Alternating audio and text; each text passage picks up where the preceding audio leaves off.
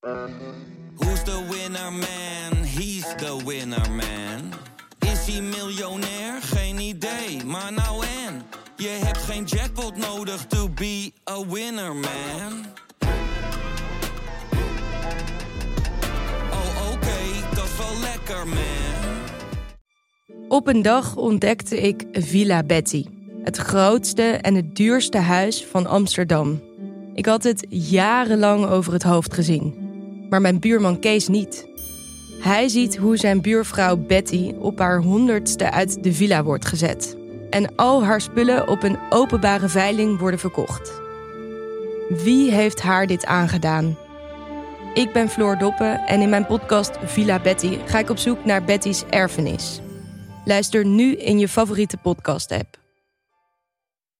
Welkom bij de audioversie van de Atlas. Wij zijn drie geografen en in onze ogen is elk land de moeite waard. En hoe kunnen we zo'n land beter bespreken dan met gekke feitjes, mooie verhalen en kleine quizjes? Dit is de grote podcastlas.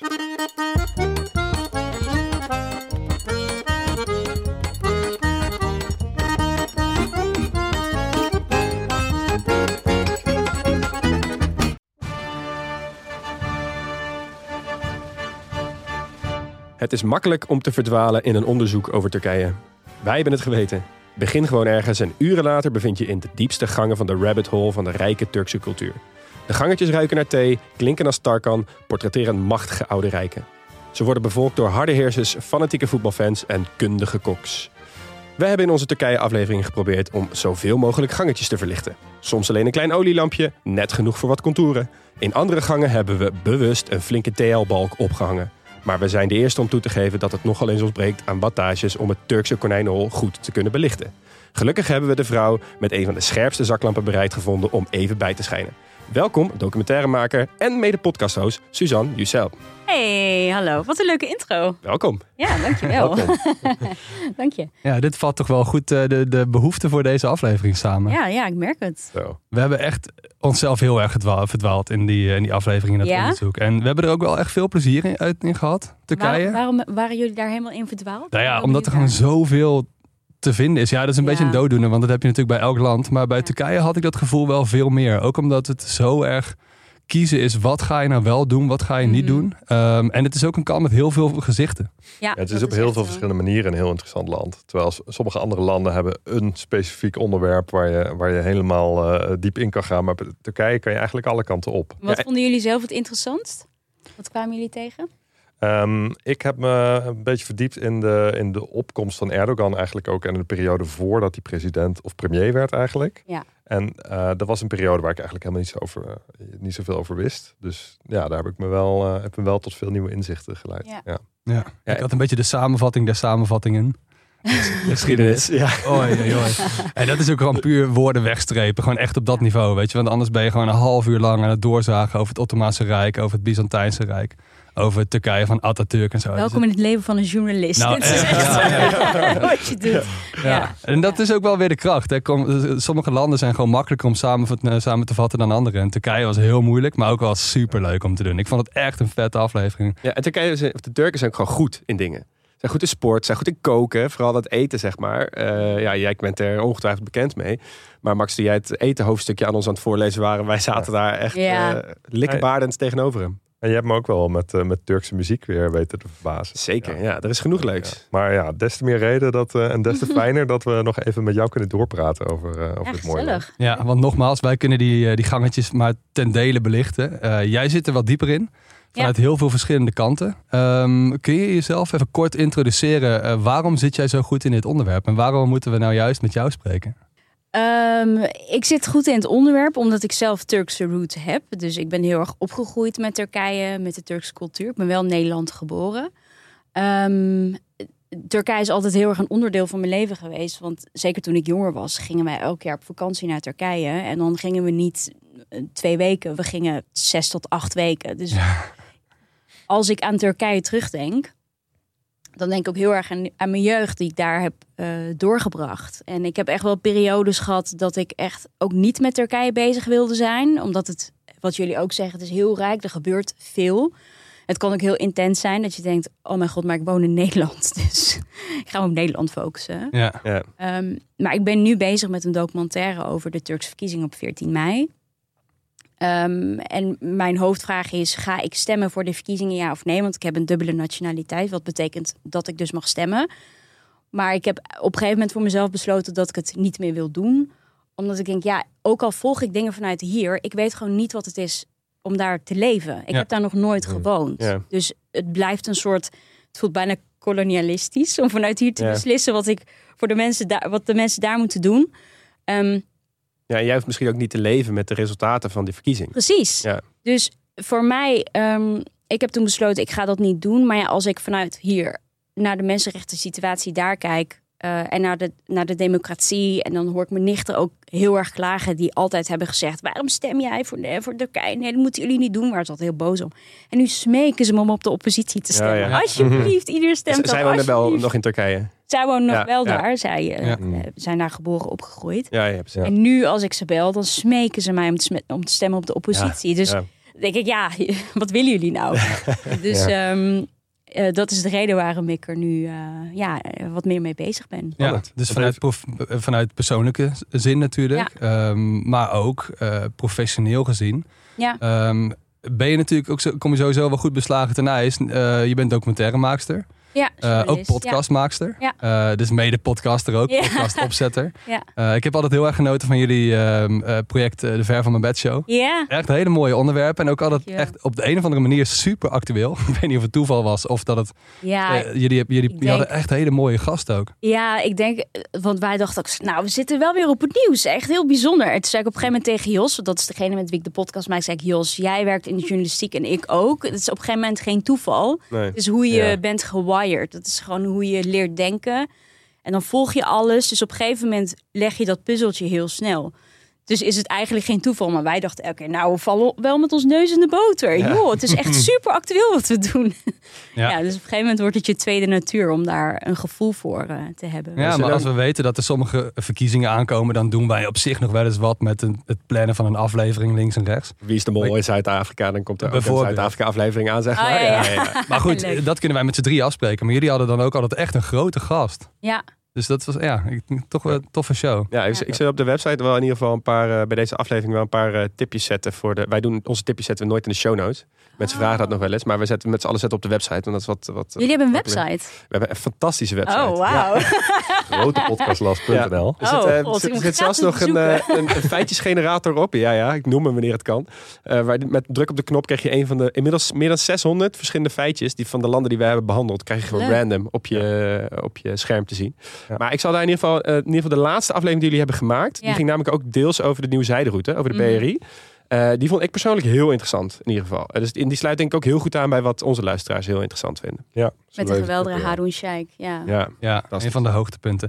In ieder geval, ehm, je bent geopolitiek bezig. Eh, je, nou ja, je hebt Turkse roots. Eh, denk een hele goede combinatie om, om deze show te gaan maken.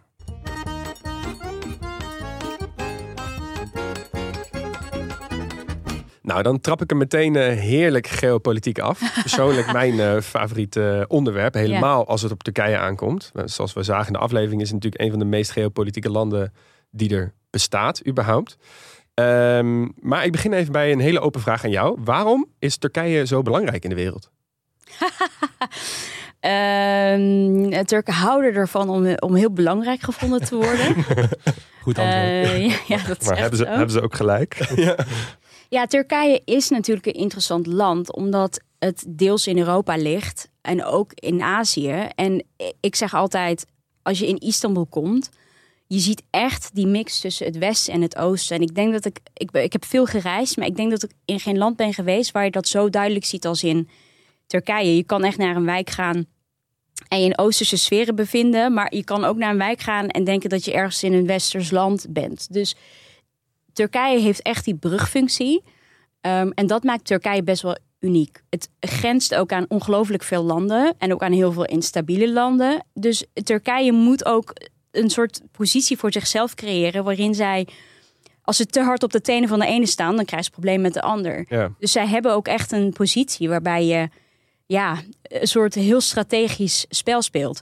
Ehm, ik was met mijn neefje er ook over aan het praten. Hij zegt, ja, Nederland, wij, wij, wij grenzen aan België en aan Duitsland. Daar doen we handel mee, we spreken dezelfde taal. Weet je, het is allemaal heel vriendelijk. Uh, was vroeger natuurlijk anders, maar er zijn niet echt problemen. En Turkije heeft met, met sommige buurlanden, bijvoorbeeld Armenië, grenzen waren dicht. Ja. Uh, Tot aan de aardbeving.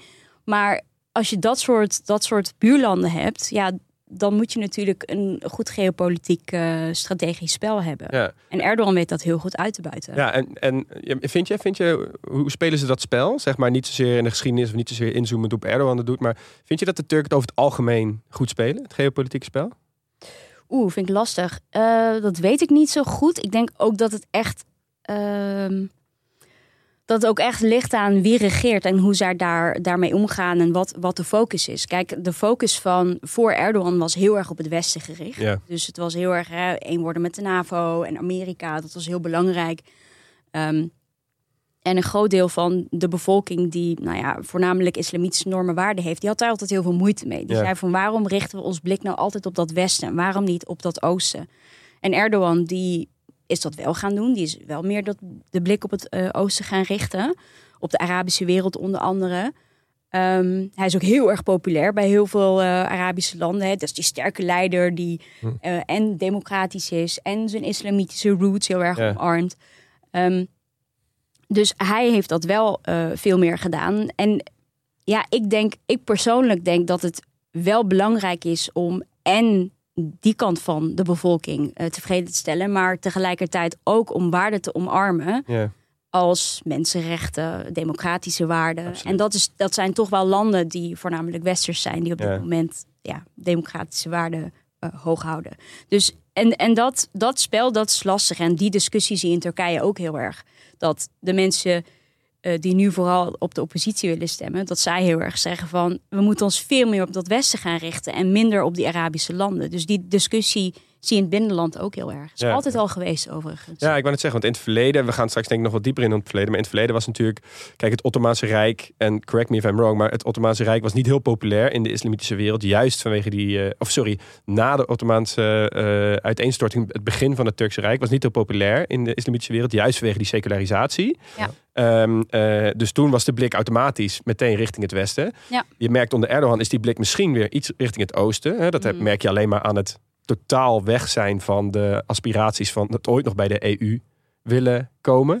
Ehm, denk je dat dat gesprek ooit nog op gang gaat komen? Met ook onder een andere leider? Dat ze misschien ooit nog weer iets met de EU te maken willen hebben qua Ja. lidmaatschap? Ja, dat denk ik wel. Want de oppositieleider nu, dat is Kemal Kılıçdaroğlu. Dat is zeg maar de populairste oppositiekandidaat op dit moment. Die heeft al gezegd dat ze de gesprekken willen hervatten met de EU. Dus dat is zeker wel een wens. Moet Turkije een onderdeel van de EU worden? Daar kun je vraagtekens Ja, bij mhm. zetten. Maar eh, kijk, wat wel helpt, is dat pakket dat de EU als voorwaarde heeft. Dat zorgt wel voor een democratiseringsgolf. Dat heeft Erdogan natuurlijk ook gedaan in het begin. Die heeft heel Ja. veel van die wetten doorgevoerd. Ook om de macht van dat leger, dat oppermachtig was destijds, om dat gewoon af te breken. Heel veel Turken waren er heel blij mee. Ook linkse eh, in- intellectuelen, die nu natuurlijk heel veel kritiek hebben op Erdogan, die waren in het begin juist heel blij. Want zij waren eigenlijk ook dat die extreme secularisatie, dat eigenlijk voor heel veel verdeling zorgde, dat waren zij ook beu. Zo, van, zo kunnen we eigenlijk niet meer verder. Ehm, wat nu achteraf blijkt, is dat dat natuurlijk een manier is geweest om het leger eigenlijk ja, buitenspel te zetten. buitenspel te Ja, zetten. ja. Precies. Eh, maar ja, dat is, dat is wat, we, waar, wat we nu kunnen zien en, en terugkijken. Ja. Maar eh, destijds werd dat, ja, door heel veel Turken werd het echt als eh, eh, heel warm onthaald. Zo van, Ja, oh ja, dat ja. willen we wel. Ja. En het Westen natuurlijk ook. Die zagen ook eh, in Turkije echt een goede bondgenoot. NAVO natuurlijk. Nou, Ja. dat was al lang, lang blij. Eh, een ander moment, dan gaan we even naar voren in de tijd. Een ander moment waarin de, eh, sommige partijen en sommige landen in Europa heel blij waren met Turkije was in 2016. Mhm. Toen, eh, je weet al waar ik heen ga volgens Ja. mij. Ja, want toen sloten verschillende Europese landen, waaronder Nederland, met Turkije de deal. De zogenaamde Turkije-deal. Eh, en eigenlijk was het idee, nou, als jullie nou de, jullie grenzen wat strenger bewaken en wat vluchtelingen daar houden, Ja. eh, dan, eh, dan zeiden de, vooral rechtspartijen, zeiden, komen er, niet minder, komen er minder vluchtelingen Europa in. En linkspartijen zeiden, nou, dan hoeven ze niet meer te verdrinken in de Middellandse Zee.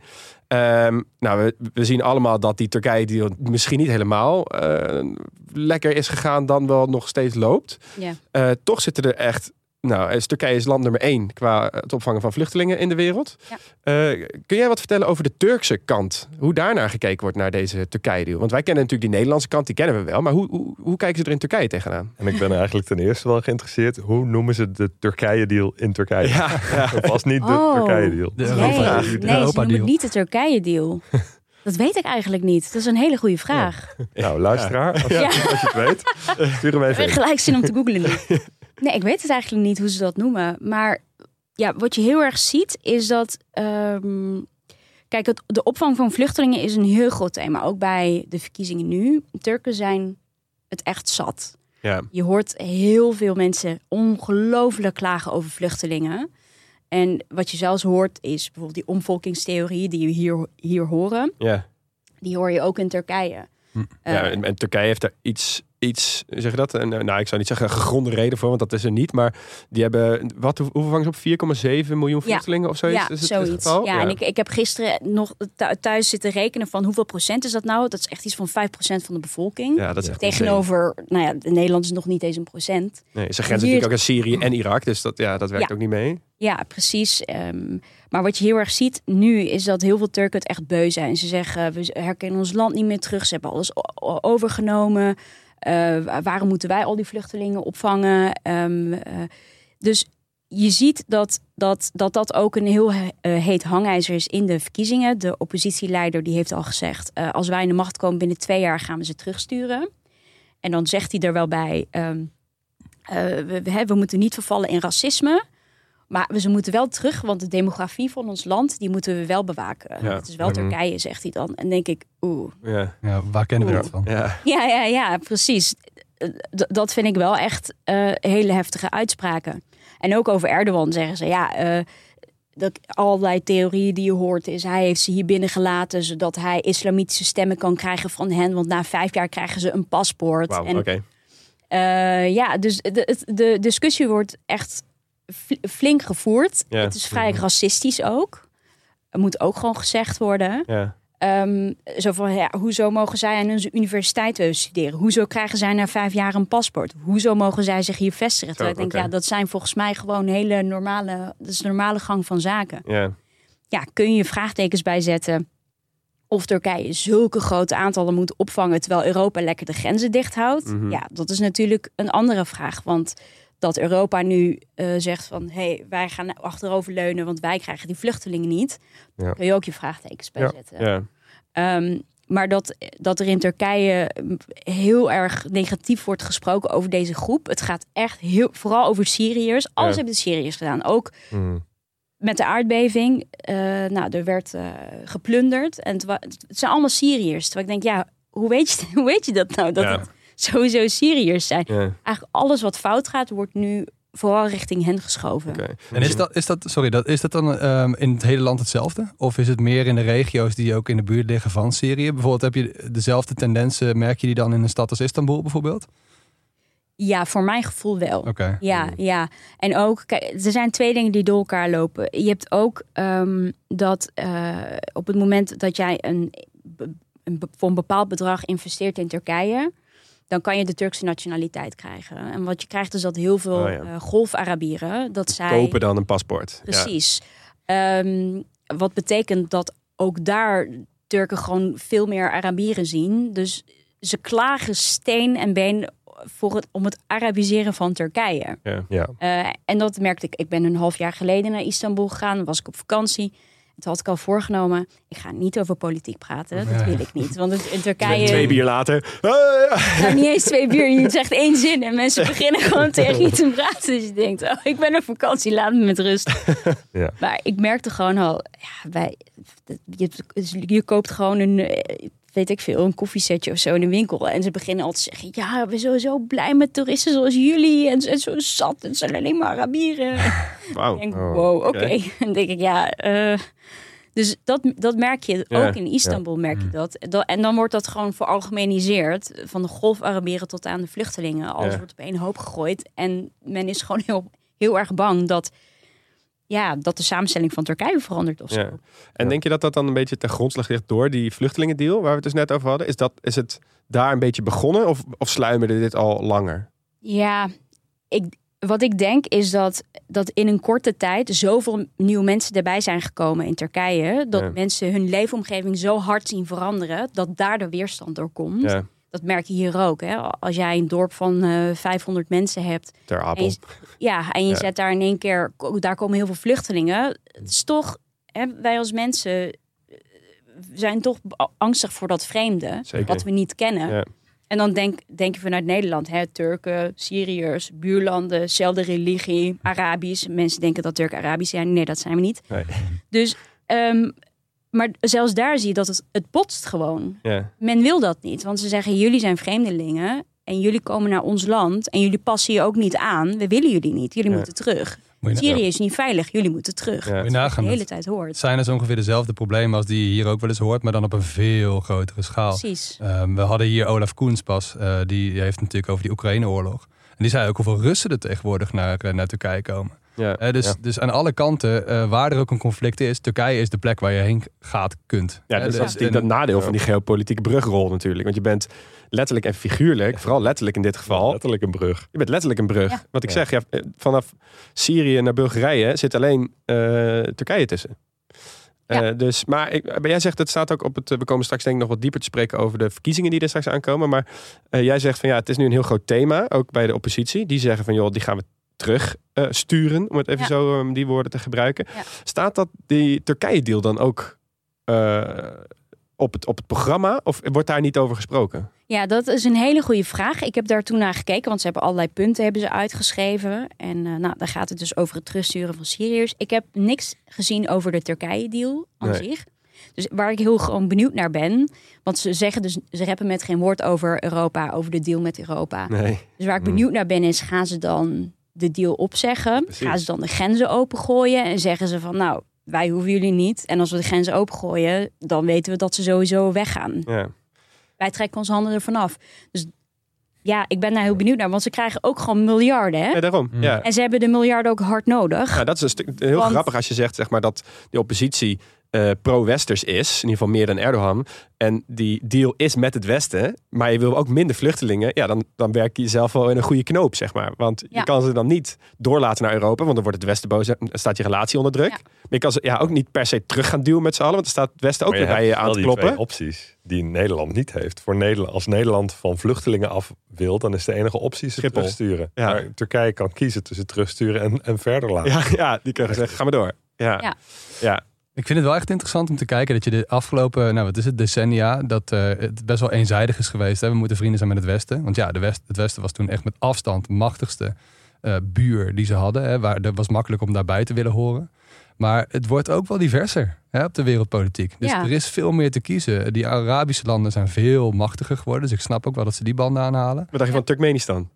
Of, eh, sorry, wat dacht je van Azerbeidzjan? Ja, Die ineens eh, gas hebben en zichzelf heel interessant vinden. En Armenië die eh, niet meer eh, in de picture is en zo. Dus ze kunnen in de regio ook nog een heel interessante rol spelen, denk ik. Precies. Dus ik denk dat Erdogan dat ook best wel snel in de gaten had. Zo van, ja, ik moet niet meer al, alle... don't put all your eggs in one basket. Ja, En dat heeft hij nu gedaan. Ja, en ook, kijk, hij is in 2019 eh, is Turkije Syrië binnengevallen. En dat kan je ook niet doen als Rusland daar niet mee akkoord gaat. juist. Dus, Mhm. hè, en nou ja, ze delen de Zwarte Zee met Rusland. Dus je, je kan niet zomaar zeggen: Oh, we, we doen volledig mee met het Westen en we gaan al onze banden verbreken met. Ja, dat is heel. In, in Turks opzicht is dat natuurlijk heel dom ja, om te doen. ja. Ehm, en, en voor ons als Nederlanders is het makkelijker, want ja, we, we zijn omringd met bondgenoten, hè, Ja. we zitten er helemaal in. Maar voor Turkije is dat natuurlijk, het heeft gewoon een hele andere, andere geopolitieke rol. Dus die, die, probeert eigenlijk met alle, alle zo landen warme banden te houden. Ja. Ja. Maar ja, goed, als je het hebt over die, eh, die eggs en die baskets. Er komen wel heel wat meer baskets beschikbaar die Ja. best wel aanlokkelijk zijn om, die, om een keer een ei in te gooien. Ja. Want je hebt China bijvoorbeeld, waar ze op zich best wel goed mee kunnen volgens mij. En dan hebben ze een hele belangrijke relatie met Rusland. Ja. ik wat er allemaal om ze heen ligt. joh. Nou, maar inderdaad, als je, we, als we daar inderdaad... wil worden, dan kun je je beter in Turkije laten scholen dan in Nederland, denk ik. Ja, precies. Want we hebben het in de aflevering Turkije even over gehad. Want als je zeg maar eh, de grond ingaat, dan zie je die zuidelijke route van de, van de gaspijpleiding. Dus die inderdaad uit Azerbeidzjan. Eh, die andere twee die lopen via Rusland. Nou, we weten allemaal wat daar aan de hand is. Mhm. Je hebt die eh, overlandroute van, eh, van, het, van de nieuwe zijderoute, zeg maar vanuit China. Loopt ook grotendeels over Turkije. Geopolitiek is het heel interessant. Dus een klein beetje uitzoomend. Want Turkije zit natuurlijk ook bij de NAVO. En dat Mhm. is heel handig. Daarom lopen die pijpleidingen denk ik ook massaal daardoorheen. Maar ze hebben nu ook een andere rol bij de NAVO. Een soort, ja, eh, eh, de rol van het soort boze broertje... wat eigenlijk geen nieuwe, nieuwe kindjes in de klas duldt. Ja. Eh, en dan hebben we het over de toetreding van Zweden en Finland. In het westen stonden we te springen. dat ze er misschien bij zouden komen. Maar Turkije hield het allemaal tegen. Kun je daar misschien iets over vertellen? Ja, dat- is een hele interessante rol. Kijk, Turkije wil sowieso een, een bufferzone in Noord-Syrië inbouwen. Ook om deels vluchtelingen terug te sturen. Nu hoor je van eh, Arabische Syriërs die zeggen... zijn wij heel blij mee, want dan kunnen we terug. Ik weet niet in hoeverre dat klopt. Ehm, maar ja, dan heb je de Koerden die daar wonen. Die worden weer verjaagd. Ja. Ehm, en nou ja, Erdogan moet daar natuurlijk weer goed mee zijn met Rusland om dat te kunnen doen. En ehm, wat hij natuurlijk kan doen bij eh, Zweden en bij Finland, is hem blokkeren, want dat wil Rusland natuurlijk niet. Dus dan heb je een soort, je hebt één probleem en vervolgens heb je op zoveel vlakken Ja. heb je eigenlijk de macht om daar, om daar iets mee te doen. Nu las ik vandaag dat Finland in ieder geval, dat ze daarmee waarschijnlijk mee akkoord gaan. Toen dacht Ja. ik ook, Hm. interessante timing in de verkiezingen. Tuurlijk. Gaan ze dat nu, Ja. wat is nou precies de reden? Dus ik was gaan kijken van wat is nou de reden dat het nu in één keer wel kan. Heb ik niet kunnen vinden. Maar bij Zweden doen ze wel moeilijk. Want eh, sinds 2015 heeft Erdogan, is het weer volledig de oorlog met eh, de Koerden in eigen land natuurlijk. Eh, dus zij zeggen, nou, jullie hebben mensen die wij, die wij willen. Dus wij gaan, wij gaan jullie niet toelaten tot Ja. de NAVO. Als jullie gewoon mensen tot jullie... Want Zweden heeft een aantal Koerdische vluchtelingen, als ik het goed begrijp, Ja. Opgenomen. Eh, Prominent, Zweden, eh, Zweden is natuurlijk een heel groot land dat vluchtelingen opneemt. Eh, en eigenlijk zegt Erdogan, luister, jullie hebben een paar kopstukken, dan wel Koerden, die willen wij eigenlijk terug naar Turkije. Of Ja. die moeten jullie uitzetten om wat voor reden dan ook. En pas dan gaan we praten over toetreding met de NAVO. Precies. Ja, dat Ja. is zo geld, hè? ja, en dan is de vraag, gaat het hem echt om die, Ja, om ik wil paar zeggen, is dat soort powerarmen of is dat echt daadwerkelijk... Dat weet ik niet. Of is dat iets om, om, om, die, om die toetreding uit te stellen? Ja, ik Mhm. kan niet in zijn hoofd kijken, dat weet ik niet. Maar Nee. ik, ik, vind het, ik vind het interessant en ik denk niet dat het om die paar Koerden gaat hoor. Nee. Of misschien om eh, Rusland ook het beeld te geven van... hé, hey, wij gaan niet zomaar akkoord met alles wat de NAVO wil. Ja, want hij is ook, nou ja, ik weet niet hoe goed hij is met Poetin, maar ja, ze, hebben, ze hebben belangen bij elkaar. Dus Ja. dan kan hij Mhm. ook laten zien, hé, hey, wacht even, wij gaan niet zomaar akkoord met alles wat de NAVO doet. Hè? Ja.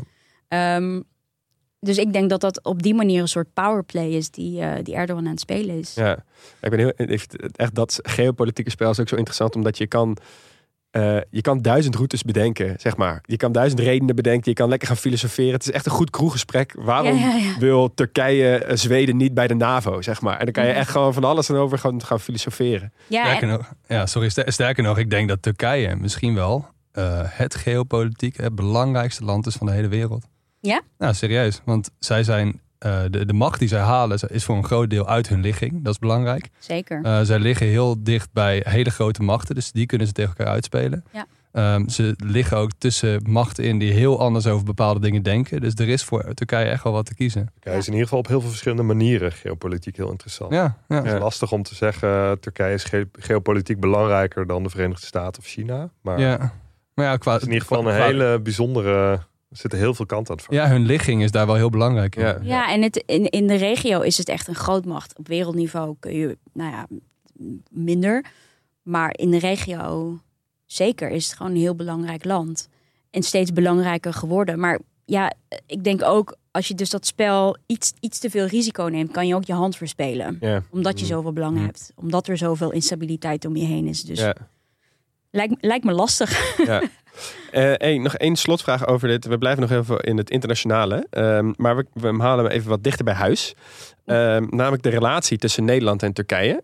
Eh, die, heeft, die is wel eens slechter geweest. Namelijk in 2016 kunnen we volgens mij allemaal nog... Of in 2017 kunnen we nog herinneren.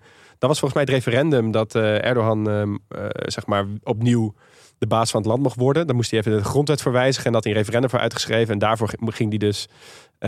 stuurde hij zijn minister naar Nederland om hier stemmen te ronselen. Even gechargeerd gezegd. Ja. Wat officieel niet mag, volgens mij, volgens de Turkse grondwet. Maar hey, zij was daar ook alleen voor een diplomatiek bezoek. En die werd vervolgens het land uitgezet. Nou, volgens mij kunnen we de beelden allemaal nog herinneren toen. Maar Rutte die eh, in verkiezingstijd, twee dagen voor de verkiezingen of zo, eh, de camera kwam toe. Rutte natuurlijk ook goed uit.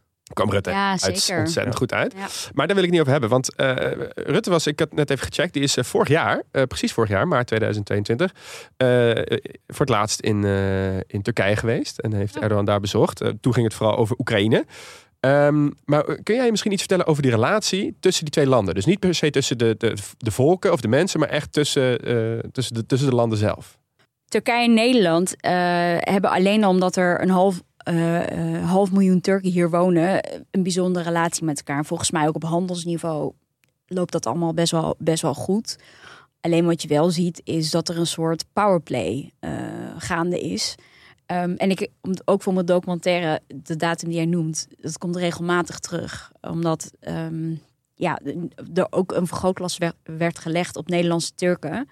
Ehm, bijna alsof je een soort kant moest kiezen of zo. Ja. En dat is heel erg naar. En op dat moment denk ik dat ik voor het eerst in mijn leven heb gevoeld dat er over jouw rug om echt een soort eh, politiek wordt eh, eh, gevochten over jouw rug heen. Ja. Ik denk van ja, ook tegen mensen die dan Erdogan aan het verdedigen waren, zeg ik van wat heeft hij voor ons gedaan als Nederlands-Turken? Wat Ja. heb ik nou aan hem gehad? Als ik word gediscrimineerd op de arbeidsmarkt, is hij degene die mijn werkgever belt? Ja. Ik heb helemaal niks aan hem. Nee. Eh, en tegelijkertijd denk ik ook van ja, lekker dat jij al je rechtse kiezers in pocket hebt. Wel ten koste van ons. Want wij staan weer te boek als die niet geïntegreerde Turken. eh, Die toch alleen maar met eh, hun blik Mhm. naar Turkije kijken. En dat vind ik jammer, want volgens mij op, op ehm, dagelijkse basis, de handelsbanden en zo. Dat gaat, ja, is dat allemaal, loopt dat allemaal prima? Ja. Is de band ook verder gewoon oké? Alleen dan heb je af en toe dat er eh, twee haantjes zijn die met elkaar vechten. Ja. En dan wordt er zo nu, zo nu en dan een ambassadeur teruggetrokken. In verkiezingstijd. In eh, verkiezingstijd. Ja. Ehm, maar ja, volgens mij is het over het algemeen best wel, best wel oké. Ja.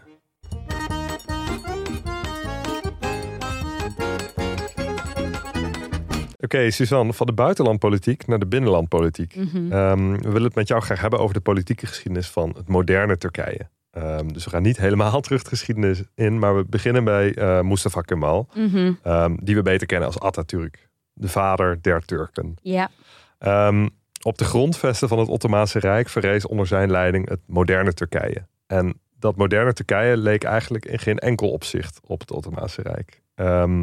Atatürk heeft het helemaal anders gedaan. Kun, jij, kun jij schetsen van wa- wat waren de kernwaarden van het moderne Turkije onder Atatürk, zo begin jaren twintig? ja, en ik heb het speciaal voor jullie op, opgeschreven. Want ik ben even gaan zoeken. Ik dacht, oh ja, wat was het ook alweer? Het waren zeven pijlen. Ik heb het hier We opgeschreven. hebben er al een aantal eh, zijn zijdelings geraakt, denk ik. ja, ja, ja. Ehm, nou, eigenlijk kan je het wel, eh, denk ik, samenvatten als het Atatürkisme. Het Kemalisme hoor je vooral heel veel, ook in, ook in Turkije. En het is eigenlijk niet echt een, een, ehm, niet een samenhangend, allesomvattende ideologie, maar eh, eh, de partij die is ontstaan onder Atatürk, dat is de CHP, CHP. Dat is ook de eh, grootste oppositiepartij op dit moment. En in hun embleem heb je zeg maar zes pijlen. En dat zijn ook de zes pijlen waar nou ja, het Kemalisme op is gebaseerd. Ik heb het hier opgezocht. Secularisme, nationalisme, republikeinisme, populisme, ehm, revolutionisme en etatisme. En dat alles, nou ja, dat is eigenlijk een beetje wat het samenvat. En om het even in makkelijke taal te zeggen. Kijk, Atatürk wilde echt breken met, met, dat, eh, met, dat, eh, met, een, met dat Ottomaanse Rijk. Dat is gebaseerd op eh, islam. Mhm. Het was namelijk ook een kalifaat. De sul- sultan was tegelijkertijd ook de kalif. En hij wilde daar vanaf. Eigenlijk was er al een soort secularisering gaande eh, binnen het Ottomaanse Rijk. Dus het is ook niet helemaal eerlijk om het volledig aan Atatürk ehm, toe te schrijven. Dat, het was eigenlijk al wel bezig. Alleen het familierecht, volgens mij, was nog niet geseculariseerd. Ehm, en dat is onder Atatürk ook gebeurd. Mhm. Ehm, hij vond het belangrijk om de blik op het westen te richten en niet op het oosten, omdat daar de meeste ontwikkeling in zat. Dat was volgens eh, hem ook eh, de reden waarom dat Ottomaanse Rijk maar niet meeging, omdat ze elke keer eigenlijk te laat waren met het doorvoeren van, ehm, van ontwikkelingen. Nu En- denk ik, ja, En het, wat was je vraag ook alweer? Nou ja, goed, die basisprincipes. En eh, kijk, het secularisme is denk ik eh, eh, misschien wel degene waar we het moderne Turkije het best van kennen. En Ja. wat, wat ook echt heel uniek is voor Turkije. Ehm een secularisme in Turkije is meer dan alleen de scheiding tussen kerk en staat geweest. T- Turkije van Atatürk heeft ook een grote invloed gehad op hoe mensen, nou ja, eigenlijk de rol van geloof in het, in het leven van mensen. Kun Ja. je daar iets over vertellen?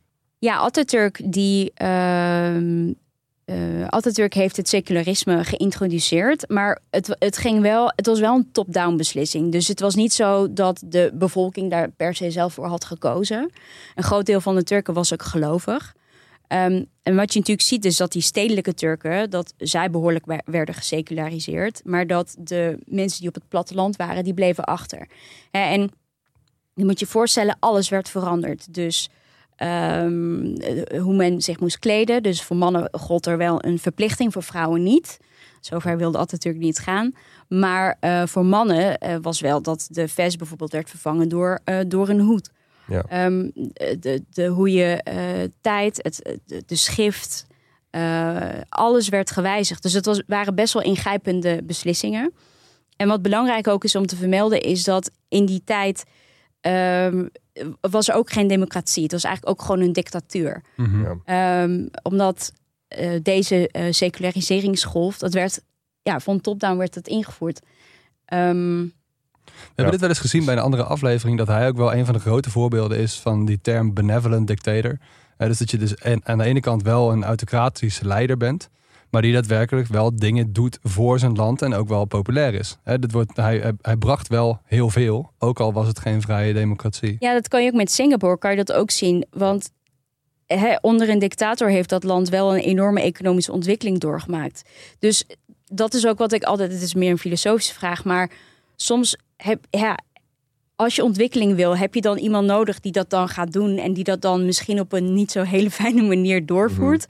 Of ehm, wil je iedereen overtuigen eh, om, om met je mee te doen en gaat het heel lang duren en krijg je het de hele tijd met weerstand te maken? Ja.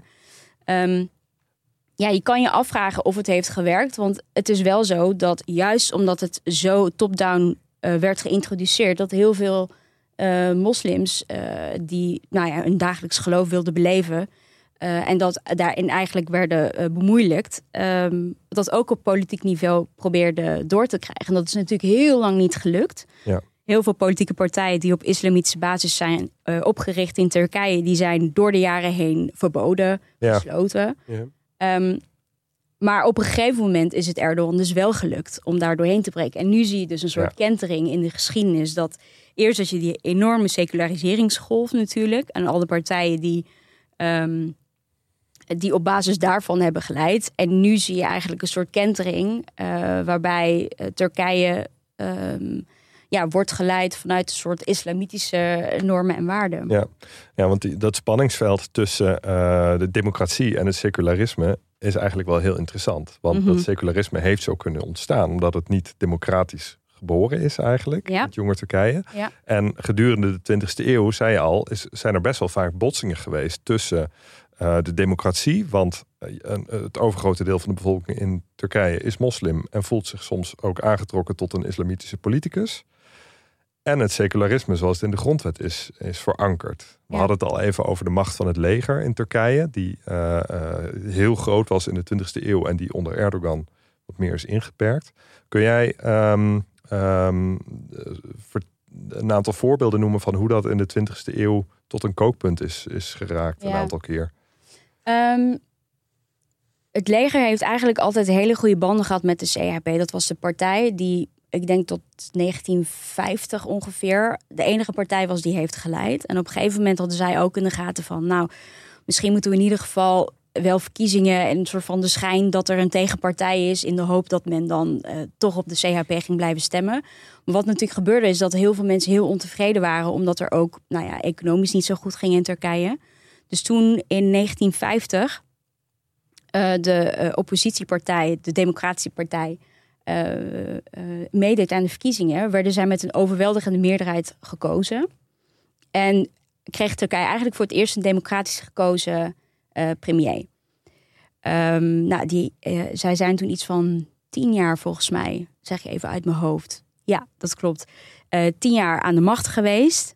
En ehm, toen heeft het leger op een gegeven moment ingegrepen. En dat is wat ze vaker doen, want zij zijn dan de hoeders van, ehm, van het uh, seculiere Turkije. Mhm. En op het moment dat zij dachten van, nou, dit gaat niet helemaal zoals wij dat willen, hebben ze ingegrepen en is er een koep geweest. Ehm, Turkije heeft helaas een rijke geschiedenis aan koeps, zodanig dat mensen getraumatiseerd, getraumatiseerd zijn.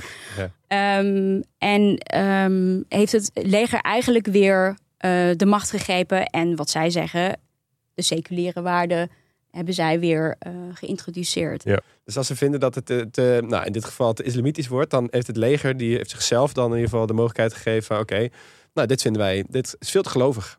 Ja. Moet seculierder, let's go. Ja. dan krijg je weer een koep. Ja, precies. En eh, nou, toen is dat in de jaren tachtig heeft het leger ook ingegrepen. Maar dat was echt omdat er, nou, dat was ook de tijd waarin ehm, linkse bewegingen ook heel erg eh, opkwamen en ook steeds populairder werden in Turkije. En dan heb ik het ook over communistische bewegingen. En die stonden echt recht tegenover nationalistische bewegingen. Eh, nou, ik denk dat heel veel eh, mensen met Turkse root ouders hebben die dit nog kunnen navertellen. Ook mijn moeder. Ehm, het werd echt per straat uitgevochten. Dus je had conservatieve wijken, je had ehm, Mhm. meer linkse wijken, progressieve wijken. En die stonden lijnrecht tegenover elkaar. Het waren heel veel jonge mensen ook die ja, met elkaar vochten, elkaar eh, doodschoten. Dus het, het was, het, het, werd heel chaotisch in het land. Toen Mhm. heeft eh, het leger ook ingegrepen. En ook heel veel mensen die betrokken waren bij die rellen, die zijn opgehangen, eh, gemarteld in de gevangenissen. Dus het, het is best wel een nationaal trauma. Ja. Dus het- toen was het ook heel erg chaotisch. Dit zijn echt de grootste hè, die ik noem. Er zijn nog heel veel andere geweest. Maar Mhm. dit zijn echt de twee belangrijkste, Ja. denk ik wel. En de allerlaatste, die ook belangrijk is om te noemen, eh, waarbij het leger ook weer heeft ingegrepen, dat was in 1997. En deze is belangrijk omdat dat eigenlijk ook de koep is geweest waar Erdogan uit is geboren. Ja. Ja. Ehm, en dat noemen ze een postmoderne koep, want het is niet letterlijk zo geweest dat de tanks door de straten reden. Maar wel dat ze tegen de leider destijds, dat was Necmettin Erbakan, dat is eh, van de Welvaartspartij, waar ook Erdogan onderdeel van Mhm. uitmaakte als burgemeester van Istanbul. En toen hebben ze gezegd, of jij, you step down, of we grijpen in en dan wordt het een zootje in Turkije. Ja, dan, komt er een, komt er een man in een legeruniform voor de camera die zegt dit is geen koep, zeg maar. Een beetje die praktijk. ja. ja. Ja. En omdat Erbakan dacht, nou, dat willen we allemaal niet, heeft hij toen gezegd, oké, nou dan, eh, dan eh, Snap ik af. stap ik op. Ja. Ja. Ja. En, en niet veel later is, eh, is Erdogan ook vanwege een religieuze akkefietje eh, eh, weggegaan als, als burgemeester van Istanbul. Ja, Ehm, negen maanden vastgezeten. daarna. ja, heeft Ja. vastgezeten. Dus dat, dat, dat vind ik zo, nog steeds zo bizar om te realiseren dat, dat Turkije grondwettelijk zo sterk seculier is dat het mogelijk is dat Ja. een burgemeester wordt afgezet om, om iets wat hij zegt. Van de grootste stad. Ja, ja. Ehm, ehm, en toen is er eigenlijk iets, iets veranderd. Want eh, eh, Erdogan die heeft met, met een aantal eh, metgezellen de AK-partij opgericht. En dat is eigenlijk een, een bredere conservatieve beweging geworden... Die, die er eigenlijk voor heeft gezorgd dat ze niet werden verboden door het Ja. leger. Ja, al was die dreiging er ook wel een paar keer. Ja, maar ook, het is, nooit, ja. het is nooit zo ver gekomen. Nee, Ja. ook nog een, eh, een, een iets recentere koepoging geweest natuurlijk. Ehm, Ja, nee, dat zeker. Maar toch, eh, Erdogan is op- die manier nu al twintig jaar aan de macht geweest. Ehm, hoe lukt het hem om, om, het zoveel, om dat zoveel langer vol te houden dan zijn voorgangers in de 20e eeuw? Omdat hij een ongelooflijk goede po- eh, politicus is eigenlijk. Dat is het. Hij weet het spel gewoon heel goed te spelen. Hij weet het taal van, de, van het volk. Hij is gewoon een populist. Hij weet precies datgene te zeggen wat ehm, datgene wat de Turken voelen. En omdat hij dat zo goed weet te verwoorden, spreekt hij mensen aan. Kijk, in Turkije is het eigenlijk zo. Al- twee hoofdstromingen. Het- Het is de, de, de seculiere. En je hebt mensen die meer een Turkije zien ehm, dat ook modern is. Dat zich echt richt op, ontwik eh, op ontwikkeling. Maar die wel is ingericht op islamitische normen en waarden. Waarin het Turks nationalisme hoogtij viert. Overigens de, de, de seculiere ook. Dat Turks nationalisme, dat was ook bij Atatürk het geval. Dat is heel erg belangrijk. Of je nou links bent of rechts. Turken zijn over het algemeen vrij nationalistisch. Mhm. Ja. Ehm, en, maar wat je ook ziet is dat door die koep in 97 eh, werden seculiere wetten die werden heel streng nageleefd. Dus Vrouwen met hoofddoeken werden verboden om deel te nemen aan nou ja, openbare ruimtes, mochten niet meer naar de universiteiten. En dat heeft echt ervoor gezorgd dat dat deel zo ontevreden is geworden dat men dat niet meer wilde. Overigens ook heel veel mensen, ook bij heel veel links-intellectuelen. Dus het was niet zo dat zij dachten, oh, het boeit ons niet. Maar eigenlijk in de, door de hele bevolking zag je dat men, ehm, dat men helemaal klaar was met dat extreme secularisme. Mhm. En daar heeft hij gewoon heel handig op ingespeeld door zich in eerste instantie heel erg te positioneren als democraat. Van ja, wij zijn, wij hebben islamitische normen en waarden, maar wij zijn er voor iedereen. Wij willen democratisering. Die democratische waarden vinden wij heel belangrijk. Dus Ja. in het begin hadden zij heel veel steun. Ook van heel veel mensen die zij nu hebben vervolgd, notabene. Die zijn Ja. gevlucht Mhm. uit Turkije. Ehm, dus daardoor was een hele brede partij. Maar wat zij heel erg slim hebben gedaan, is in het begin heel veel hervormingen doorvoeren. Maar vervolgens zei- zeiden ze, ja, eh, we gaan wel de verantwoordelijke eh, aanpakken voor die postmoderne koep. Dat begon in 2011, volgens mij. Ja, zoiets. Ehm, toen gingen ze die mensen gingen ze één voor één eh, hè, ehm, eh, in Ja. het beklaagde bankje zetten. Van wij gaan nu één voor één al die mensen oppakken. Ja. Dus het, het is langzaamaan een soort rancunepolitiek geworden. Waarbij Erdogan steeds meer tegenstanders eh, heel hard is gaan aanpakken. Want in 2013 waren er protesten, de Gezi-protesten. Dat is nu ook al bijna tien jaar geleden. Ja. En die werden hardhandig neergeslagen. En dat was echt een eye-opener voor heel veel mensen. Dat ze zeiden, wow, wacht even. Ja.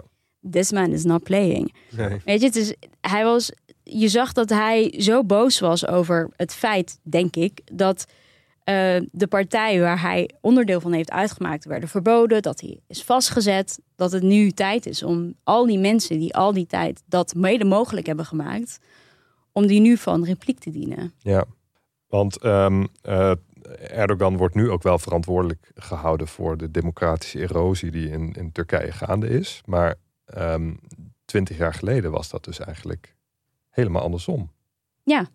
Ja, en dat is ook wel. Mensen zeggen altijd: eh, we gaan weer terug naar democratie. Denk ik, ja, maar hoe democratisch was Turkije daarvoor? Turkije Ja. is nooit een volwaardig goed functionerende democratie geweest. Helemaal niet. De, de, het pijnlijke een beetje van Turkije is, het zit een beetje in het DNA, is dat op het moment dat iemand aan de macht komt, dan gaat die persoon de tegenstander vastzetten om allerlei redenen en dat wettelijk proberen te vergoeilijken. Dus de uitdaging wat mij betreft wordt op dit moment is om, stel de oppositie komt aan de macht, om niet weer daarin terug te vallen en weer tegenstanders uitschakelen, vast te zetten. Want dan krijg je alleen maar nog meer rancune Ja. en nog meer wantrouwen. Want dat merk je nu ook. Dat heel veel mensen die, met, ja, die gelovig zijn, zij zeggen, ja, ik, ik weet niet of ik de oppositie vertrouw. Het is wel de, de, de JHP. Zij hebben altijd hele strenge seculiere wetten aangenomen. Ja, ben ik wel veilig? Kan ik dadelijk wel weer met mijn hoofddoek eh, gaan studeren? En dan zegt Erdogan, ja, weten jullie deze beelden nog? Dat ze jullie hoofddoeken van jullie hoofd aftrokken. Ik Ja. ben degene die jullie die vrijheid heeft gegeven. Vergeet niet wat ik voor jullie Ja. heb gedaan. Als deze mensen aan de macht komen, gaan ze die vrijheid van jullie afpakken. Ja.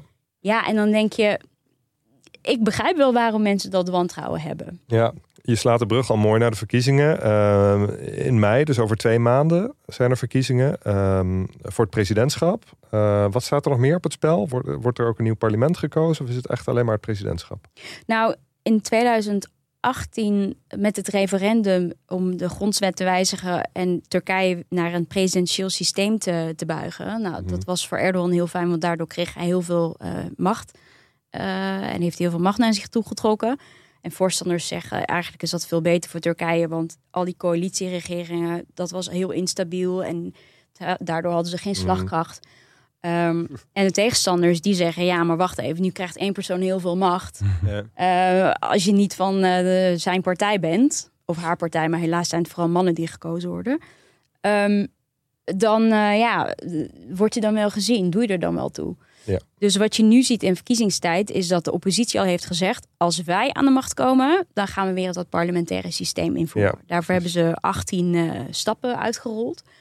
Eh, dat is ook datgene wat hen het meeste bindt. Zij zeggen: Turkije is nou eenmaal een land waar heel veel stemmen zijn. En je kan beter een coalitie vormen en die stemmen bij elkaar brengen, dan dat je één persoon zoveel macht Ja. geeft. Want dan krijg je sowieso een tweedeling. Dus eigenlijk zou de eerste stap van de oppositie zijn hun, hun eigen net verworven macht eh, weer opheffen. Ja. En het, het parlement eigenlijk eh, ja, niet meer vleugellam maken. Ja.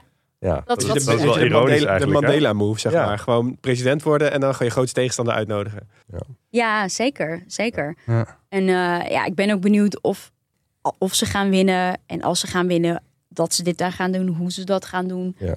Eh, want de angst voor vele mensen is dat op het moment dat zij dan de macht krijgen. Want eh, kijk, je moet je voorstellen dat eh, op dit moment je aan de verkiezingen kan meedoen. Dat, ehm, als je met elkaar in een soort samenwerkingsverband zit.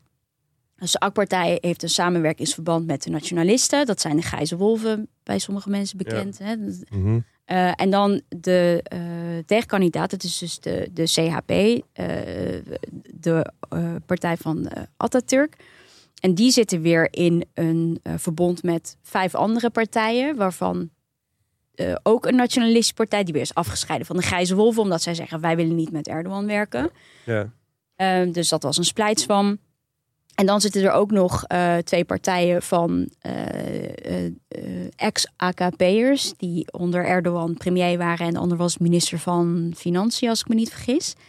En dan zit er ook nog, en dat is heel grappig... een islamistische partij. En dat is de partij wat weer is ehm, voortgeboren... uit de partij van Erbakan. En dat is weer de partij waar Erdogan een onderdeel van uitmaakt. Nederlands politiekje als je het zo Ja, ja, het is eigenlijk... je- Bondgezelschap. het is een bondgezelschap. Eigenlijk als je, het, als je het moet vergelijken, je, je moet je voorstellen dat de SGP, GroenLinks, eh, PVV, P van de A in één, in één eh, samenwerkingsverband zitten. Omdat Om zij. Mark Rutte maar af te kunnen zetten. Ja. Precies. Zo, Dat is hoe je het eigenlijk moet zien. Ja. Ja. En- En dat is heel interessant inderdaad. Want je zag dus op een gegeven moment dat bij die islamistische partij werd aangekondigd dat de huidige oppositieleider Kim, Kemal Kılıçdaroğlu dus oppositieleider zou worden.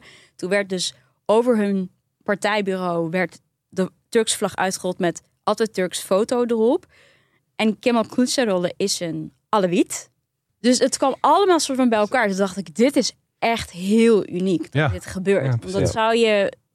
Ja, dat, dat, dat was ondenkbaar. Die kans die Ja. komt niet zo heel vaak langs. Nee. Nee, en dan zie je dus dat zij zeggen, omdat ze, omdat ze Erdogan zo graag weg willen hebben, omdat het zo moeilijk is om weg te krijgen, dat dit soort samenwerking ontstaan. Dus dan denk ik, Ja. jongens, het kan dus wel. Zou er Ja. documentaire Kan over het maken wel. als ik jou Het lijkt me wel super lastig om, om een, eh, een verhaal te kiezen. Om, hè, te om aan te geven waar je dan voor staat. Als je zo'n brede coalitie van oppositiepartijen hebt. En ehm, als het inderdaad tot parlementsverkiezingen komt. eh, hè, wat- zal de AK-partij toch de grootste worden weer? Of niet?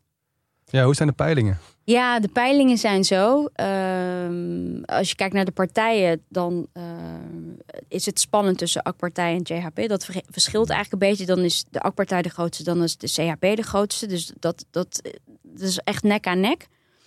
En bij de presidentsverkiezingen, de peilingen, daar staat uh, Kılıçdaroğlu wel echt eh, voorop op dit moment. Ja. Maar het is Turks politiek en Erdogan is echt een vechter. Dus er kan veel Ja. gebeuren. Hij heeft er geen verkiezing verloren, toch, Erdogan?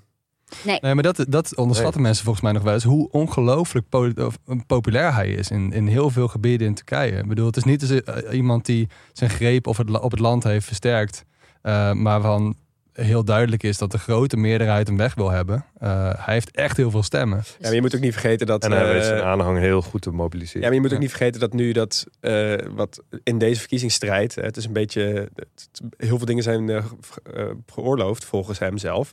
Want hij gebruikt ook bijvoorbeeld staatsmiddelen om campagnefilmpjes te maken. En hij gebruikt bijvoorbeeld ook gewoon staatsgeld om te laten zien. En hij heeft heel veel in de media natuurlijk. Volgens mij zijn ze niet heel persvrij, maar eh, eh, even Oh, gechargeerd joh, echt? gezegd. En ik denk dat heel veel dingen van de staat zullen natuurlijk vooral Erdogan veege eh, dingen laten zien. Eh, dus dat moet je ook niet vergeten. Kijk, hij is natuurlijk populair, maar eh, het is wel ook best wel een lastige strijd. Dus ik kan me voorstellen dat een soort ja, bijna Game of Thrones-achtige samenwerkingsverband van die zes partijen versus die ene grote koning die toch eindelijk nou eens moet aftreden, Ja. dat dat een hele interessante tijd tegemoet gaat. Ja, en dan is ook de vraag: gaan zij ook goed kunnen samenwerken als zij eenmaal verkozen zijn? Of gaat het dan Ja, uit elkaar ja. vallen? En Ja. daar hebben heel veel mensen ook heel veel vraagtekens Ja. bij. Ze zullen ja, uiteindelijk wel. wel een beetje uit die tegensfeer moeten. En bedenken van waar staan wij dan voor eh, als we een keer aan de macht komen. En dat Ja. is ook het En hoe gaan, we ze dan, eh, hoe gaan we dan bolwerken met elkaar?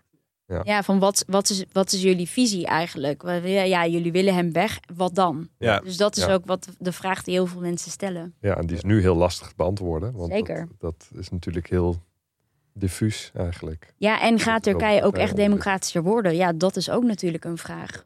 Nou, heel actueel eh, is er natuurlijk ook een verschrikkelijke ramp gebeurd in Turkije en in Syrië. Ehm, en ook dat vlak voor de verkiezingen. Ehm, wat heeft dat voor een invloed op de positie van Erdogan in Turkije? Alles. Ja, Ja, alles. vertel.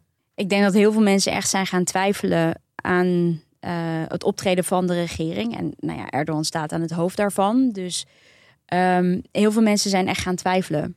Van ja, ik weet het niet. Ik stemde altijd AK-partij, maar nu weet ik het toch niet. Dus ik denk dat eh, dit hem echt zijn kop kan gaan kosten.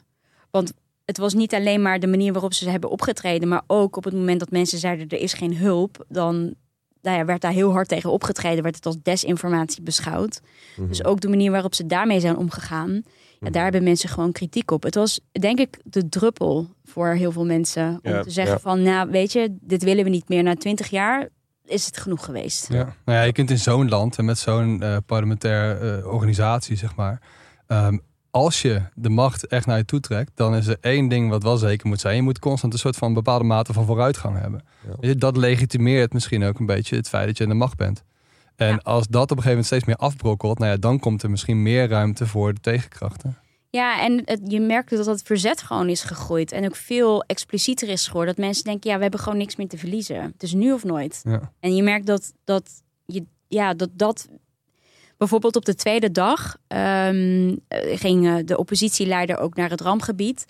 En ik dacht, nou, gaat die, gaan ze nu een soort van verzoenen om te zeggen, nou, dit is het moment dat we even hè, eh, moeten laten zien dat we een eenheid zijn. En hij zei eigenlijk direct, ik ga niet met hem praten. Hij is gewoon verantwoordelijk. Hij moet opstappen. Oké. Dus dat was best wel. Op dag twee was het al het Ja. geval. Toen dacht ik, oh, oké, wow, dit is heel pittig. Maar je merkt ook dat heel veel mensen. Ik, ja, ik heb ook met bijvoorbeeld eh, een vriendin hier in eh, Amsterdam gesproken. Die nooit stemt. Eh, nou ja, om redenen zoals ik. Ik woon daar niet, dus waarom zou ik stemmen? Maar door de aard- aardbeving twijfelt zij. Ja. Van ja, het is nu echt een rampgebied. Eh Oosten Ja. is toch het ondergeschoven kindje. Ja. Moet ik niet toch mijn stem gaan uitbrengen? En dan is er natuurlijk de kwestie van, van de bouwvoor- bouwvoorschriften die Erdogan eigenlijk heeft versoepeld tijdens zijn eh, Ja. periode dat hij aan de macht is. Terwijl net toen hij aan de macht kwam, was eigenlijk de vorige grote aardbeving van Turkije zat er net op. En een van de, van de beloftes van Erdogan was toch wel om er veel aan te doen om herhaling daarvan te voorkomen. Ja, en dan zie je toch Dat ook hij in corruptie vervalt, waardoor gebouwen instorten. En ehm, ja, kijk, je kan zeggen, zijn het, zijn het. Kijk, corruptie is een groot probleem in Turkije. Is het Mhm. altijd al geweest? En dit, dat is het nog steeds. Het pak je niet zomaar aan. En dan word je er op een gegeven moment, als je zo lang aan de macht bent, word je er een onderdeel van. Want Als jij zegt van, nou, wij eh, hebben een bouwpardon. eh, Ja. Wetende dat er gewoon eh, instabiele gebouwen zijn op ge- in gebieden waar, ja, waar een aardbeving kan plaatsvinden. Mhm. het dat is wordt heel ongeveer- zichtbaar. Dat is ongeveer driekwart van Precies, het Turkije. is echt spelen met Ja. vuur. Ja. Ja, maar corruptie is natuurlijk iets wat eigenlijk best ongrijpbaar is voor de meeste mensen. Kijk, wat is nou corruptie? Behalve dan, mensen denken bij corruptie altijd, oh, ik rijd door rood en ik doe 50 euro in mijn paspoort, zeg maar, bij het laten zien, Ja, bij het legitimeren en dan mag ik doorrijden. Maar ja. dit is heel zichtbaar. Zo van, oh ja, weet je, deze gebouwen hadden moeten blijven staan eigenlijk. Maar die zijn met z'n allen ingestort en eh, mijn familie lag daaronder. Mhm. Ja, probeer dan nog maar eens te zeggen tegen de rest van de mensen die je kent van, nou, eh, ik blijf wel Erdogan stemmen. Ja, ik kan me heel goed voorstellen dat voor heel veel mensen dat dat echt de druppel is geweest. Precies. Kijk, en hij heeft altijd een soort aanhang.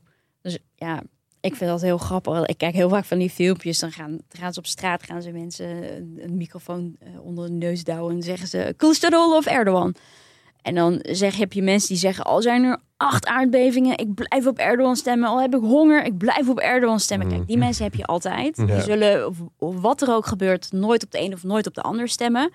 Maar het is gewoon een groot deel van de mensen die denkt van ja, zolang ik iemand goed vind, stem ik daarop. Mhm. Maar op het moment dat ik dat niet vind, Ja. dan is het ook echt wel afgelopen. Die rekenen gewoon ermee af. En Het dat zie je nu wel. Ja. Precies, dat mensen die al twijfelden, want laten we ook wezen, economisch gaat het niet goed in Turkije. Er is een torenhoge inflatie. Mensen Ja. klagen Mhm. steen en been. Eh, en als dit er ook nog overheen komt, dat, dat dit Ja. gewoon de druppel is. Dat mensen denken, ja, Ja. nu ben ik er echt wel Ja. klaar mee. Ja. Ja.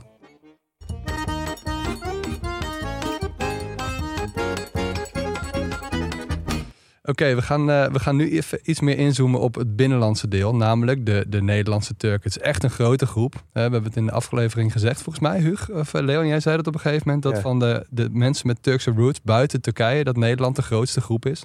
Na Duitsland. Na Duitsland. Dat vond ik echt een leuk feitje. Ja, Ik maar dacht, dat is oh my god, echt krankzinnig. waar? Ja. Ja.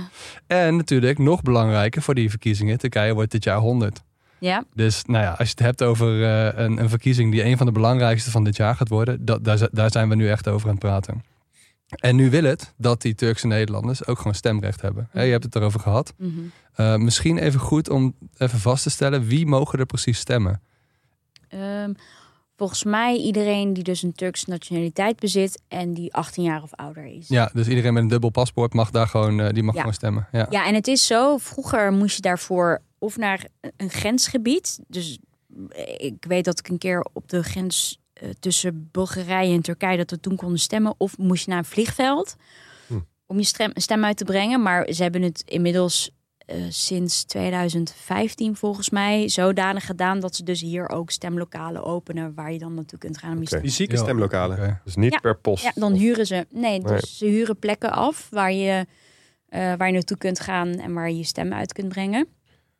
Ehm, en ook met het met de referendum hadden ze dat ook gedaan. Toen was dat in de RAI. Maar er waren ook meerdere plekken waar je kon, eh, kon stemmen. En eh, die Turkse nationaliteit, is dat wel iets wat ehm, eh, mensen met een Turkse achtergrond die in Nederland zijn geboren over het algemeen wel of niet hebben? Maar ben jij Over het algemeen over het wel. algemeen wel? Dus Ja, en het We is- hebben het echt over een grote groep. Ja, zeker. Ja. Zeker. Ja, je hebt. ehm, volgens mij was het zo dat. Maar dat was in mijn tijd toen ik werd geboren. Ik weet niet of dat nog steeds zo is. Maar op het moment dat je werd geboren met Turkse ouders, dan werd je door Nederland zelf automatisch ook aangemeld bij eh, de Turkse ambassade. Voor waardoor Nederland Je, zelf. door Nederland zelf ook. Ja, ja, ja. Waardoor je automatisch ook de Turkse nationaliteit kreeg. Ja. Dat is, Ja. Ik weet niet of dat nog steeds zo is, maar dat, Mm. Dat was destijds wel zo. Dan snap ik wel dat ze vanuit Turkije ook wel veel in, eh, interesse hebben in de stem van de Nederlandse kiezer. Want Ja. het, zijn, het is echt gewoon een hele grote groep. Ja, dat was dus niet altijd zo. Nee. Omdat het je ook moeilijk werd gemaakt. Je moest wel heel fanatiek zijn om naar de, een grens, eh, grenspost af te reizen. Exact. Of op een vliegveld. Dan moet je wel heel graag stemmen. Ja. Maar het was dus belangrijk, maar ook weer niet. Het was Nee. prima. Het mag als je dat wil, want je hebt de nationaliteit. Dus we willen je er niet van onthouden. Maar we gaan het je ook niet makkelijk maken. Maar dus onder Erdogan is dat dus makkelijker gemaakt. Ja, het is Ja. makkelijker Ja. gemaakt. Ja, ik, ik las ergens dat hij iets van 70% over het algemeen van de stemmen krijgt van de Turkse Nederlanders. Dus dat is. Ja, Van de er is hem Turks ook- Nederlanders die stemmen. Juist, Dus precies. Ja. volgens mij was de opkomst van de afgelopen verkiezingen was nog geen 50% Dus eigenlijk 50? minder dan 50 Ja, precies. Oké, ja, ja, ja. Dus meer dan de helft blijft thuis. Ja. Ja. Die stemmen helemaal niet. Nee. Nou, deze keer natuurlijk weer een ronde. En, en nou wil het natuurlijk dat jij eh, voor je documentaire op zoek bent gegaan naar de vraag van... Hè, gaan mensen stemmen? Wat betekent dit voor, voor onszelf? Ja. Ehm, wat zijn je voorlopige conclusies? dat het heel moeilijk is om met Turks-Nederlands over Turkse politiek te praten. Nee, het is echt zo. Ja, Ik denk dat die rellen waar we het ook over hebben gehad, ehm, eh, die rellen in 2017, dat die er echt voor hebben gezorgd dat ehm, Turken zodanig negatief in het nieuws kwamen, Turkse Nederlanders, dat heel veel dachten van, nou weet je, laat maar zitten. Ik ga er gewoon eh, niet meer over praten, want ik krijg toch alleen maar gezeik over me heen, eh, van de ene of van de andere kant. Ehm, en dat merk ik nu ook in mijn zoektocht. Ehm, ik merk enerzijds dat mensen die heel veel kritiek hebben op Erdogan, dat zij bang zijn dat ze niet meer op vakantie kunnen gaan of opgepakt worden. Ja, ja. Dat is gewoon heel reëel dat dat gebeurt.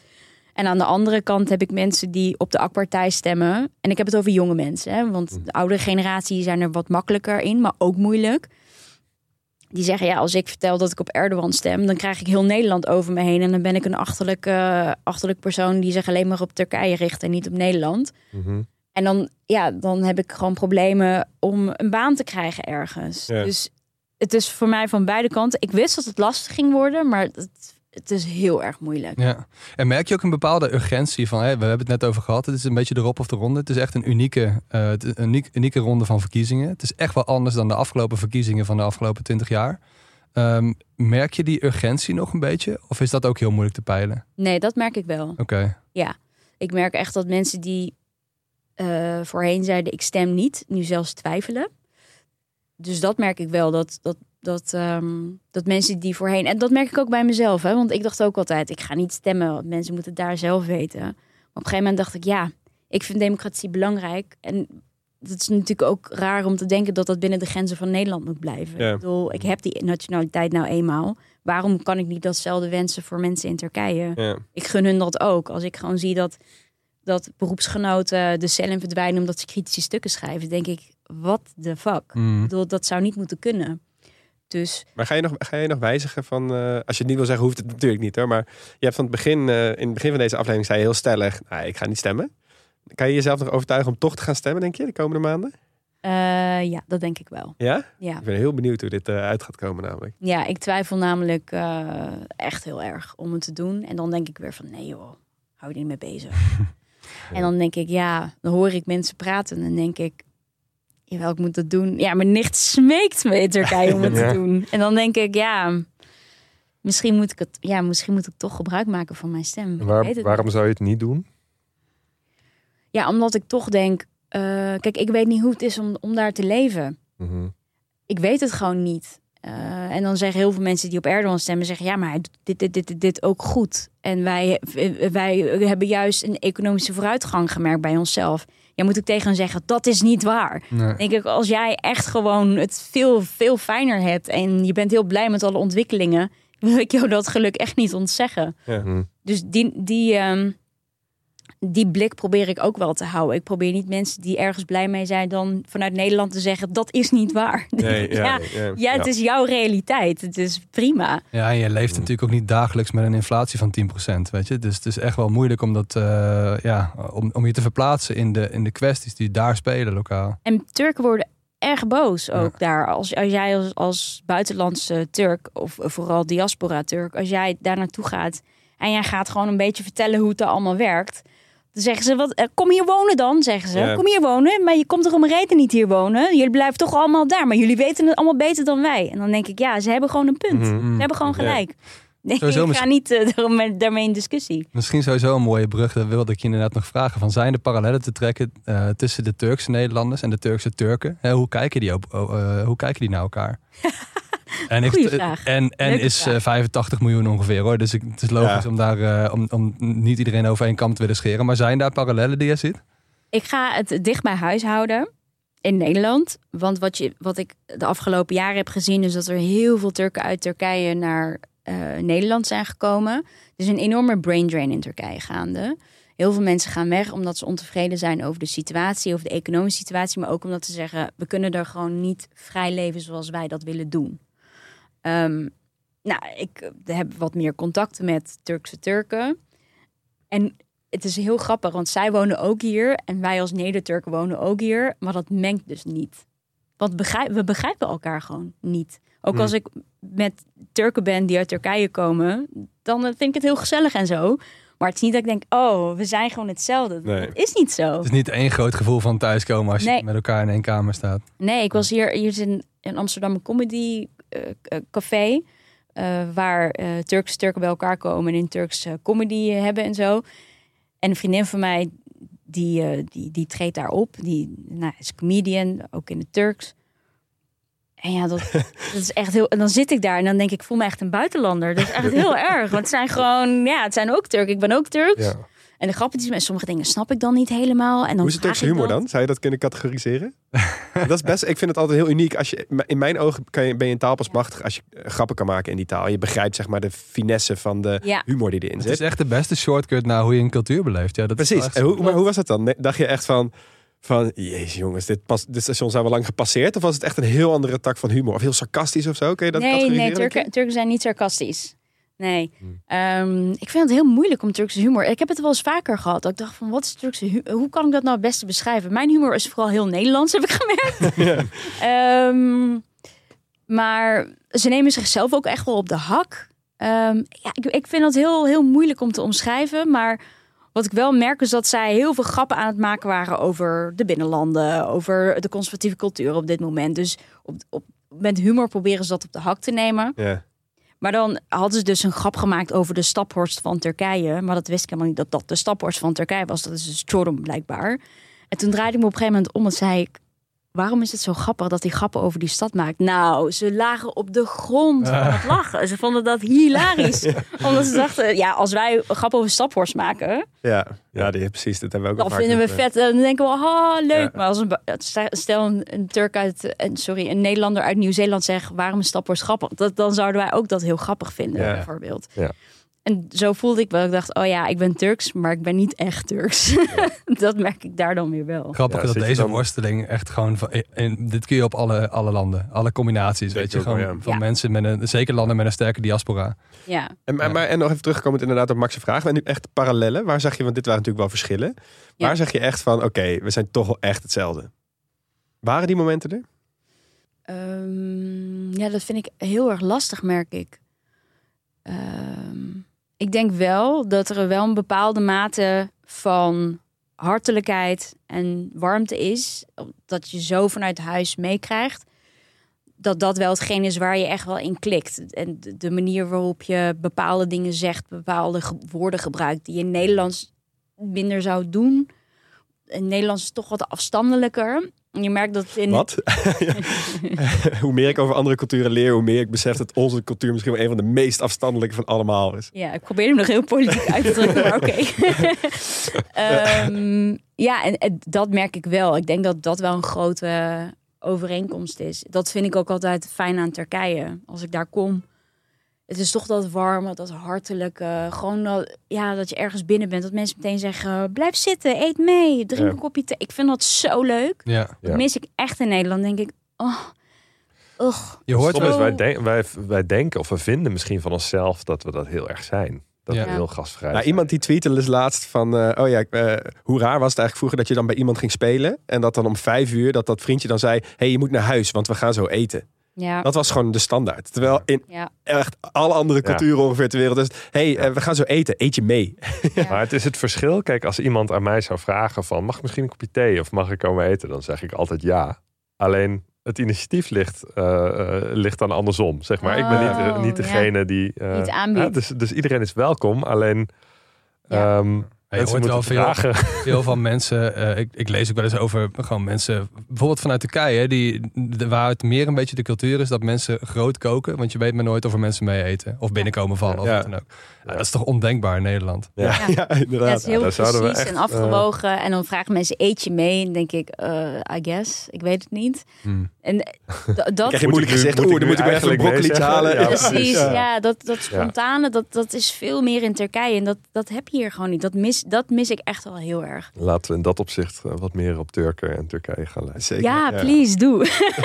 En, eh, en andere, andere zaken, als je nu eh, denkt aan je Turkse, half-Turkse eh, identiteit, wat, wat zijn dingen die je echt trots maken eh, op, het, nou ja, op Turkije als land, op de Turkse cultuur? Ja, ik denk toch wel dat ik daarbij blijf. Wat ik echt heel mooi vind aan Turken is dat ze heel warm zijn, heel open zijn en je echt zullen helpen en ehm, niet zomaar in de steek zouden laten. Het, is best wel een warme cultuur. En daar ben ik wel heel trots op. Dat ik denk, oh ja, ik kom uit een cultuur dat echt ontzettend gasvrij is. En dat vind ik heel mooi. En ik ben ook heel blij dat ik die kant heb meegekregen vanuit huis. Dat hele empathische. En eh, ja, toch ook wel. Ik denk dat sommige mensen het hiermee oneens zullen zijn. Maar Turken zijn vrij emotioneel. Die hebben heel veel emotie. En ik heb dat altijd heel erg slecht gevonden. Ook omdat Nederland heel anders is. En heb ik altijd gezegd: Oh, Turken zijn zo dramatisch. Zei ik dan altijd. En nu denk ik: Fucking nice. Laat ze lekker dramatisch zijn. In plaats van dat je zo super inge, ingetogen en eh, je mag je emoties niet laten zien. Dan denk ik: Oh, het is zo saai. Ja. En Turken zijn niet saai. Nee. Het is gewoon heel veel Ja. Ik heb is altijd een heel kleurrijk, Ik zat ooit ja. een keer in, eh, in, in zo'n schommelbusje van, eh, van Istanbul naar Edirne. Nou, je kent het waarschijnlijk wel, een stad Zeker. eh, tussen het Istanbul en het Bulgaarse grens. En ik weet nog, die bus die zat uit de schommel en die duurde maar. En, en, en, nou, het, was, het, het was heet, maar het was echt zo gezellig in die bus. Ja, En ja, dan denk je ook van, hoe kom je hierheen, weet je wel? In de metro of in de bus en dan sta je daar en iedereen staat daar met zijn eigen muziekje in. ja. Ja, dat, Ja. dat vind ik wel een mooie kant aan, aan culturen. En Turkije is daar zeker wel een van.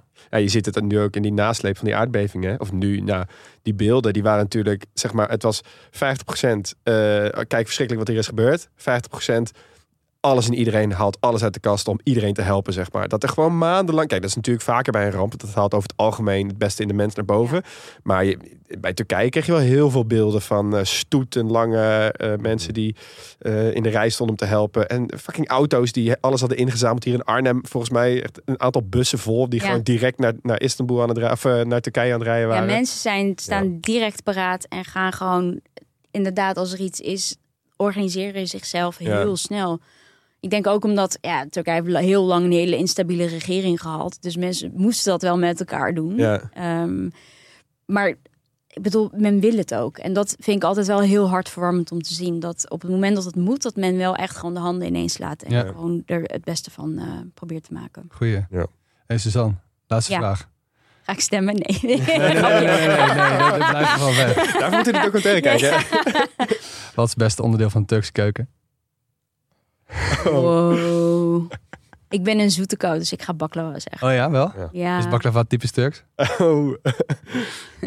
dat is een hele politieke Ja, er worden ook echt oorlogen om uitgevochten inderdaad. Maar dat is met alle gerechten. Ja, Ja, joh. Dus Eh, Turkije is echt zo'n zo'n trotse uitvechter van al dat soort ruzietjes. Met feta, met baklava, Ja. met al die andere dingen. ik ben heel makkelijk. Ik zeg altijd, oh, willen jullie baklava hebben? Mag van jullie zijn. Ik ben helemaal niet nationalistisch. Ik maak me ook echt geen ruk uit. Ik denk, het is fucking lekker. Al komt het uit Griekenland. I don't care. Zeg dat nou niet. Je wil nog straks met Turkse Nederlanders praten voor je Oh ja, shit. Ik neem dit terug, grapje. Ja, het is wel echt een keuken om die vingers bij af te likken. Dat is wel echt Dat zo. is Ja. echt zo. Ja. En het Ja. verlengde daarvan, we moeten zo nog even ergens uit eten. hè? Heb je een leuke tip voor Turks eten in Amsterdam? Ja, zeker. Op de... eh, Oh, Orontes is heel erg leuk. Ik weet niet of ik reclame mag maken, maar... Mij wel. Maar wel. Het is ons podcast. Ja, ja dat klopt. Ik denk, bij de omroep mag dat ze, mag je niks zeggen. Eh, nee, dat is een heel leuk restaurant op de Hugo de Groopplein Orontes. Eh, hele vriendelijke mensen zitten er al jaren. Eh, je kan lekker geel eten. Ik Ja, zou goed. zeggen, ga lekker Dan, daarheen. gaan we dat zo eens even proberen. Klein raakje erbij misschien. Dankjewel. Ja, precies. Suzanne, heel erg bedankt voor je komst. Eh, we zijn door, de tijd heen, helaas. We zouden nog heel lang door kunnen praten. ja, jullie bedankt. Was echt Fijn om, erg- eh, om eh, even goed lang met jou over Turkije te kunnen spreken. Vanuit de Dag en Nacht Studio's in Amsterdam hoorde je Leon Boelens, Max Gerritsen en Hugo Noordman. En natuurlijk onze speciale gast Suzanne Jussel. En kijk ook vooral naar haar documentaire In de Maak. Die komt op 7 mei op televisie eh, te zien. Volgende week reizen we door naar Mali. En dan zitten we weer gewoon in onze huiskamerstudio in Utrecht. Heb je nog een mooie Turkse afsche- afscheidsgroet? Güle güle. Gule, gule. Lingule. Dat is beter dan die hostjekal waar jij op aan het oefenen was. Ja. Oh ja, Hoşçakal. Hoşçakal. Dat kan ook. Güle güle.